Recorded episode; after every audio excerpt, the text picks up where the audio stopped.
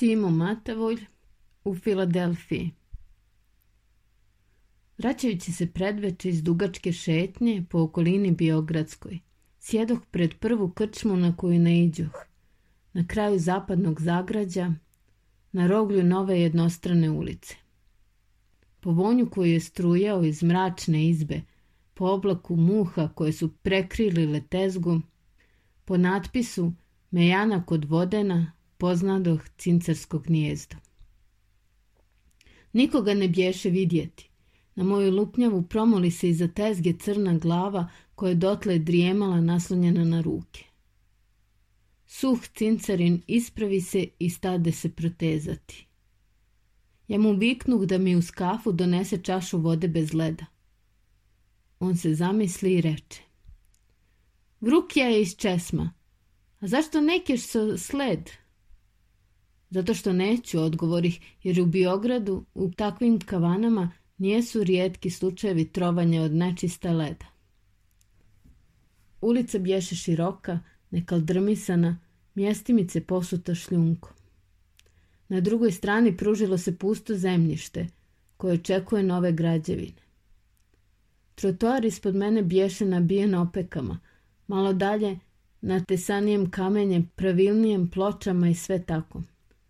Duž njega ređahu se manje i više zgrade, većinom nove i neznatne, osim jedne koja je imala šest velikih prozora i nad njima vjenčeve i anđelske likove od gipsa. Na prvi pogled lasno je bilo razabrati za stanovništvo jednostranu ulice. Do krčme bješe vrt zagrađen daskama nad kojima se leluješe zeleno granje. Do njega opančarska kuća, pa onda gospodska kuća, pa onda pamuklijaši, podalje berbernica, najdalje bakalnica. U ostalim zgradama po svoj prilici nastavaju niži činovnici i radnici. Nad vratima berbernice bješe razabeto platno, a duž cijelog trotoara ređahu se mladi bagreni. Krčmar, donijevši mi napitak, zakuca prstima po okrajku stola i započe. Velika vrukina, gospodine. Ja potvrdih i zapitah. Čije je to lijepa kuća? On se obazrije, kao da mu bješe potreba vidjeti je pre nego što odgovori, mahnu glavom na natpis, uzdahnu duboko i odgovori. I ovo i ono placi, ono kukija, sve gospodina ljube. Koga gospodina ljube? Ljube majora. Petrovik se preziva. Sad je u penziji. To je gazda. I poče mi pričati kako je major stekao kuće. Da bih izbjegao pitanja o moje malenkosti, koja bi nesumnjivo došla na red, izvadih i špaga novine i stadoh tobož pažljivo čitati. Za nekoliko trenutaka osjećao sam pogled crnih velikih očiju bez izraza cincarskim očima ne vidiš zenice. One daju licu njeki izgled zamišljenosti i pitomosti, što je zgodna maska sebičnoj i gramzivoj duši. Pa sjede za drugi sto, zbaci papuču sa bosa stopala, pa se stade gegati na stolici i zviždukati neki makedonski napjev. Očevidno to je značilo, ako se ti praviš da čitaš, a ja evo tebi pokazujem koliko te zarezujem. U krčmi lupnuše njeka vrata, pa stupi na prag zbojit rumen dječak sa pogledom pokvarene ženske. Bio je bos i gologlav, u gaćama i košulji do koljena, sa širokim tkanicama oko struka. Gospodar mu nješto zatoroka cincarski, na što mali iznese vjedricu vode i poče polijevat trutuar. To su isto činili pred ostalijem radnjama. Opet me trže krčmar koji viknu. Egi more Vitomir, dede nešto lepo, nešto sedvalisko. I dječko istrčate, oba gledahu naniše ka perbernici, pred kojom sad sjedeće neki mlad čovek. Goloruk, žuta i ćosa lica, pomadirana i na sredini razdijeljene kose sa tamburom na krilu. go je dovodio u sklad žice, a za to vrijeme gotovo iz svake kuće počeše izlaziti ženske i djeca te se posadiše pod bagrene. Sunce je već bilo zašlo. Brica najposlije graciozno iskrivi glavu i zatandrka seljančicu. Cincarin udaraše takt bosom nogom, a cincerče cukaše na pragu. Oči mu sjevahu, a otkriše se dva niza bisernijeg zuba. Odjednom i pusta ulica neobično oživlje. Ozdo od glavnije gradske žile, zazvrješe tarnice pune seljaka i proljetoše mimo nas dižući oblake pršine. Po smijehu i dranju vidjelo se da ih ima na kresanijeh. Pa naiđoše druga kola, pa treća, pa pešaci, pa konjanici, seljanke u gomilama, seoski psi sa isplaženim jezicima. U protivnom pravcu ređehu se radnici i radnici iz fabrike duvana, Koluždravi dječaci sa motkama i udicama vraćaju se s ribanja. Cigani sa violinama, gde koji lovac, robijaši praćeni žandarima, vojnici, sumnjivi ljudi. Sve to u svakojakoj nošnji šarenilo kako se viđa samo po okrajcima Biograda. U koji mah tišina i graja na ulici popustiše nješto, u taj mah diže se djevolska larma negde iza susednog vrta. Cincarin se ispravi i naperi uši, njegovo slušće na pragu nakloni se i razjepi usta, Berberin prekide tamburanje i svi pod bagrenima izvratiše glave. Šta se dogodilo? Pita maloga. On se obazrije da mi odgovori, ali graja postade jača. Začu se vriska ženskih glasova, nekakav tutanj, užasne psovke.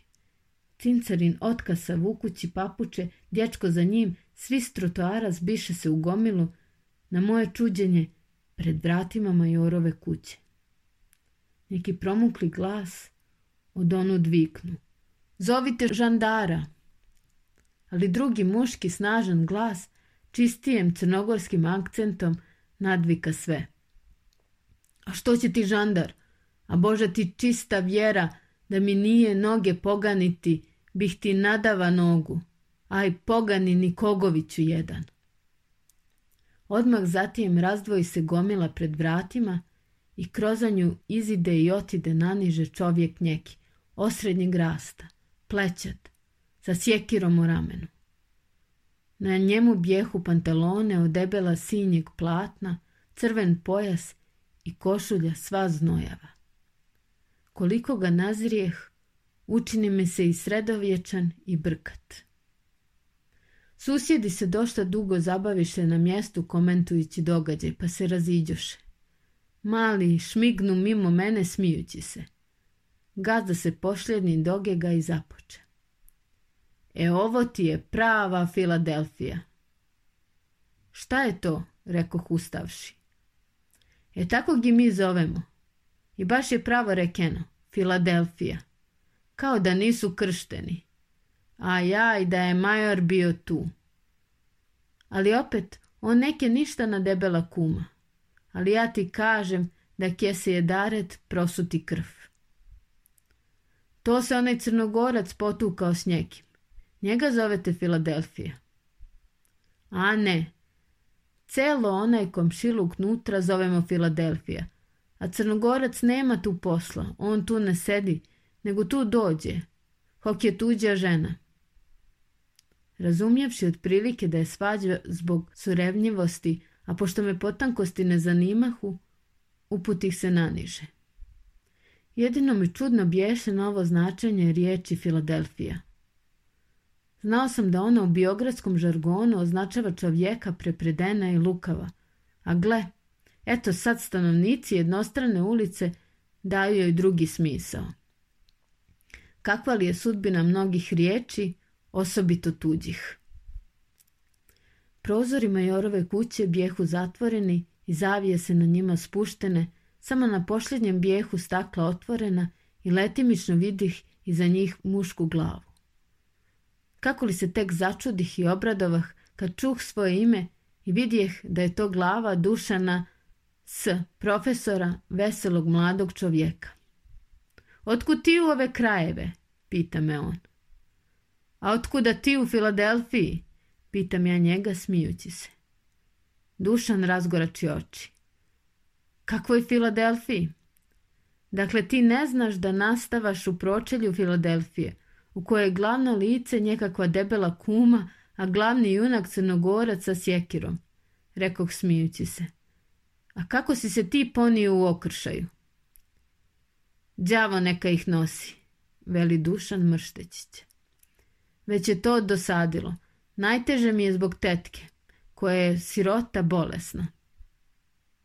Ama zbilja, kod koga ti nastavaš? Zapita ga znajući da je samac. Pa kažem ti, kod tetke. Ona je starija udovica. Ima jednog sina činovnika. Svrati ako hoćeš, te možemo zajedno u Uđoh. Iz vrlo tjesna hodnika izidoh u dugačko dvorište, koje je u pozadini. Od polovine dvorišta svud okolo načičkali se siromaški stanovi. To su tipični biogradski stanovi koji se daju pod najem. Slica gospodske kuće, a iza njih kvartiri u kojima se zbijaju sirotinske glave. Po jedna soba i kujna sačinjavaju kvartir – Obično nam svaka tri četiri dolazi po jedan ćenep. I sav taj svijet, i oni s lica, i oni u pozadini, ulaze kroz jednu kapiju, služe se jednom česmom i jednom pomjerom. i vazda su u zajednici koja najgore utiče na omladinu. U Filadelfiji vidjeh nekoliko kvartira. Pred jednijem u dnu sjeđaše neka baba sa prekrštenijem rukama, nepomično kao kakav kip. Pred drugim, desno, na pragu, sjeđaše njeki čovjek. Naslonio se s licem na ruku i oborio glavu. Iza njega u ode izvrješe šivaća mašina. S druge strane, okrenut leđima, radio je krojač, a pored njega, na zemlji, sjela je mlada ženska. Pod naličem majorove kuće beše uzvišena terasa sa nekoliko stepenica. Nad vratima gvozdena velika sjenica, markiza. Dušan me dočeka na terasi i reče. Izvoli. Uđe smo u skroman, ali pristojan kabinet, iz koga su vrata izvodila u ložnicu. Na stolu je ležalo vada preko 50 đačkih knjižica matematičkih zadaća. Eto čim se zabavljam cijelo poslije podne, reče Dušan. Ja mu ponovih nejasno pričanje Cincerevo i tražih objašnjenje. Debela kuma, veli on.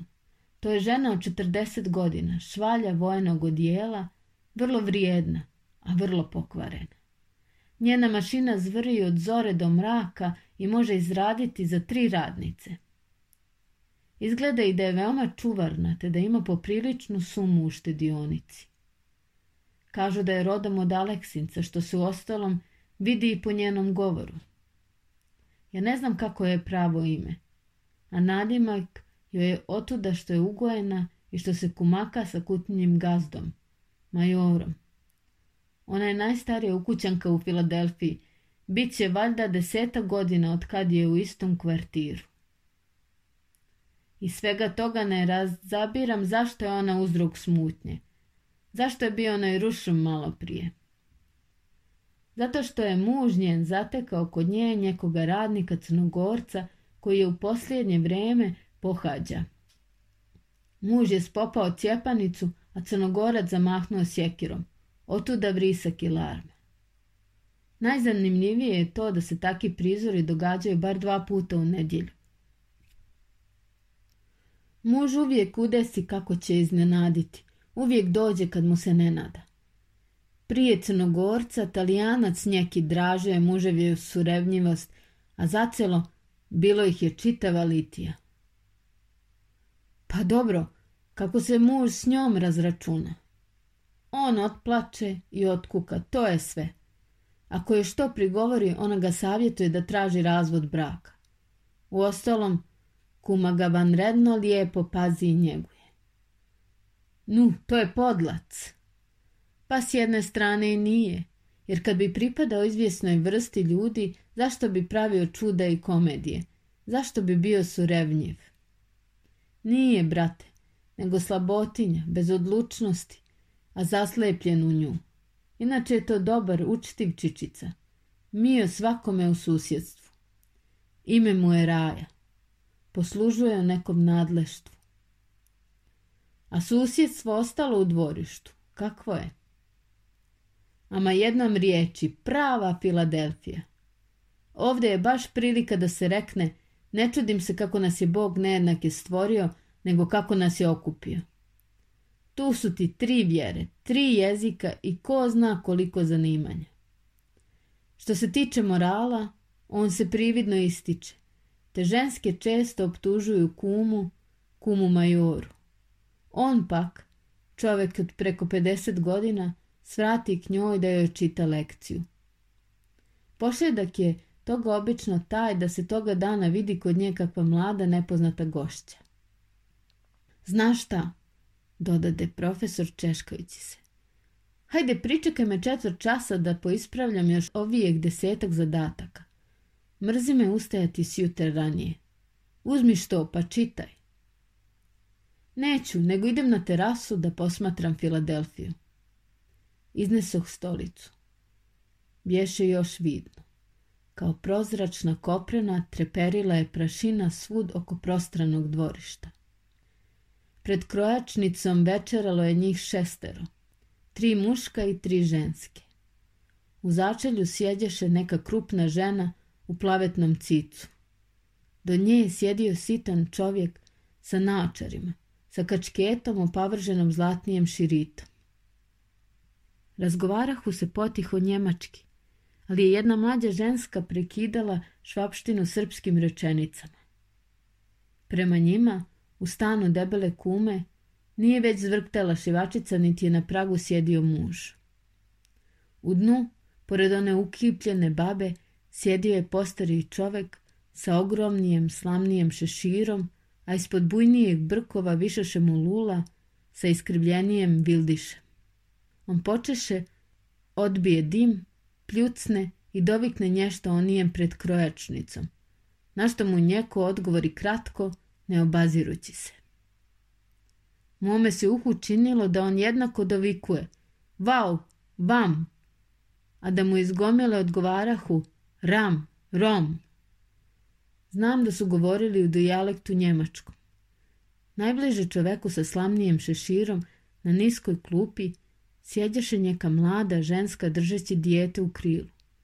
Jedino dijete u Filadelfiji. Njoj sa strane bijehu dva čoveka. Najbliže stranu profesorovom, pod prozorićem punijem cvijeća, spustila se na zemlje neka starica u srpskoj nošnji. Iz stana debele kume iziđe sitan čovjek noseći stolicu. Onda se pojavi na vratima žena osrednjeg rasta, gojna. Lice je bješe mrko, oči crne, velike, vesele.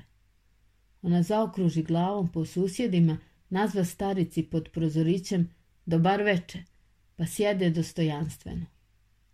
Raja stoješe ponizno, pa na njen mig prekloni se kao da sasluša zapovijest zatim uđe u kuću noseći poveliku crnu staklenicu otide iz dvorišta. Kuma stade dozivati. Bela, Bela moja, di si ti? Odi, odi kod mamice to je, odi. Krupna kao snijeg bijela mačka izide iz kuće i skoči na krilo ženi. Baba ispod prozora odmahnu glavom i reče izgovarajući južnjački. Ješe ti se, Bog me prepala bijela malo prije u onom ršumu. Debela kuma nastavi tepanje naglašavajući njeke riječi. Nisam se reci bako ja pepala. Nikad se ja ne pepadam. Nemam se zašto bojati ni stideti. E neka misli ko sto oce i neka šjak geda svoje mivice. Krupna žena pred krojačnicom značajno se nakašlja, a tako isto mlada žena do nje i ona s djetetom. Aber, las ken, reče onaj general sa zlatnom trakom oko kačkete. Švaba opet zatutnji. Vau, bau. I opet mu se neko odazva. Ram, rom. A kuma debela gladeći mačku nastavi. Neka psi laju koliko god hoće. Mi ih ne Je Jeli Bela? Ah, Bela, Bela. Kad bi ti umela pićati, stoje su si cula i videla po komsijuku, a? Ali sje se zna. Hajdemo da večeramo, reče mlada žena s djetetom. Glas je malo drhtao. Oba čovjeka uđoše za njom. I švaba sa svojom babom ukloni se. Muški ispred krojačnice izidoše iz dvorišta. Njihove ženske uniješe sto i sudove, pa sjedoše u krug, zbijeno, da zgodnije šapuću. Kuma valja da naperi uši i rumuknu. Uđeše s polja dva mladića. Prvi visok, snažan, otresit, u seoskoj nošnji, sa opancima i kajšima gotovo do koljena, goloruk, sa njekim crnim šeširom golemog oboda, sa pet šest knjiga u ruci. On prođe mimo staricu i uđe u njen stan. Drugi, i elegantan gospočić ustuknu malo vidjevši mene na terasi, pa prođe kraj mene i uđe k profesoru. Onaj seljak izide gologlav, bez jeleka i stade zavrtati rukav. Svijeh pet ženskih gleda kuga i kao da s praćah u njegove pokrete. Šta je, nema još grujice? Zapita on babu. Nema ga još dijete. Pa hoćemo li večerati? Pa da pričekamo, veli baba i usade s nategom. Začudih se vidjevši kako je maloga rasta, a sjedeći izgledaše krupnije, znak da je kratkonoga. Ona uđe u kuću. Mladić odide po česmu, razbrvi košulju pa stade prati mišice, grudi, vrat, lice. Pljuskao se sa uživanjem, pleći se svojom divovskom snagom, svojim gipkim mladim udovima. Debela kuma posmatra ga netremice. Profesor izide i za njim onaj mladi gospodin. za nas. Brat od tetke pisar u njekom novčanom zavodu. Izmijeni smo nekoliko reči, koliko učtivo zapovjeda i baš kad Dušan i ja pođo smo, sukobi smo se sa nekim jadnim stvorenjem. Bio to mladić osrednje visine, poguren, žut, uza njih pleći, ovaploćena sičija. Na glavi mu bješe iznošeni žuti slameni šešir. nju landaraše bog zna kakve boje i bercik sa predugačkim rukavima. Oko suhih nogu zvonjahu debele zimnje patače, a obuven dješe opancima. On kao s prezrenjem i mrzošću pogleda nas dvojicu, pa se ustavi do česme. A gdje si ti grujica bolan? Upita ga onaj štrcajući vodu s ruku. Začu smo mači glas grujičin, pa ga zaduši kašljanje. Ti se baš načega, započe Dušan kad bismo na ulici. Balaj vam se nekajem, nagledah se Filadelfije. Kakva smjesa, kakva. Ćuti, šapna on hvatajući me za ruku, jer se u taj mah smo sa čičaraja.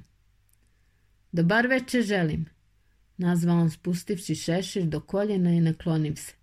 Šešir u jednoj, a crna sklenica u drugoj kao da ga držah u ravnoteži, onako sitna, tanka, pognuta. Dobar večer čičaraja, odazva se Dušan. Nosite malo vina, a? Raja nataknu šešir, pa raširi ruke. Meni i moje babi litar je dosta. A što ćemo? To nam je toliko da pomalo uživamo. Čiča se smijao, ali mu oči plakahu. Nije bilo vidjeti u njima suza, ali mu izraz biješe plačan. Protegljasti obrazi, dobro izbrijani, bijehu nagnuti, ispijeni, brkovoj prosjedi, duguljasti, zubi crni.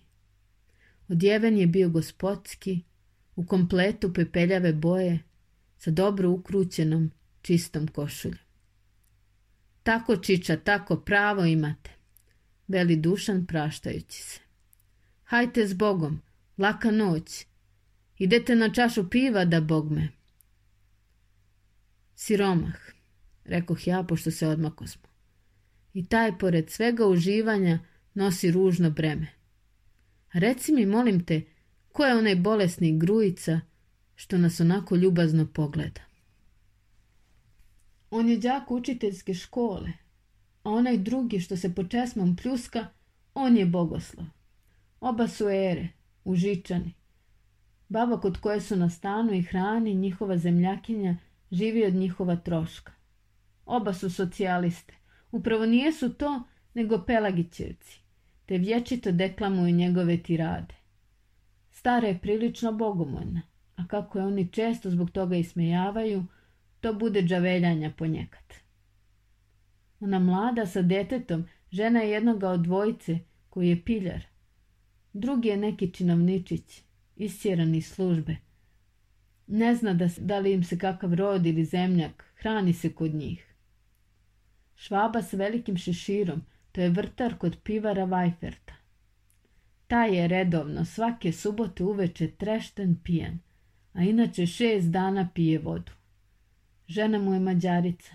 Nekad je bila pralja, ali od lani pređe u nazarensku vjeru te gotovo po cijel dan moli se Bogu. Od cijelnog andahta nema kad da što drugo radi. Ona je s naočarima i sa kačketom, sad je tramvajski kontrolor. Kažu da je rodom Prus i da je bio podoficir. Krupna žena po činu je unijatska popadija, od nekuda iz Južne Ugarske. Ona je popjekla od muža sa dva sina i jednom kćeriju. Sinovi izrčiše krojaški zanat, a kći joj je slagačica u nekoj štampariji. Stariji joj je sin oženjen odavde, to je ona mlada zbojita, koja ne zna ni riječi nemetski. Pa zar sve šestor žive u jednom kvartiru? Svi, samo što njihov kvartir ima dvije sobe i kujnu. Još ti imam samo to dodati da popadija živi nevjenčana sa generalom, kako ga zovu u susjedstvu. Zbog te nepravilnosti bilo je posla i sa policijom. Zaista prava Filadelfija. Ta sve je ovo Filadelfije, završi Dušan smijući se i mahnuvši rukom njekud neodređeno.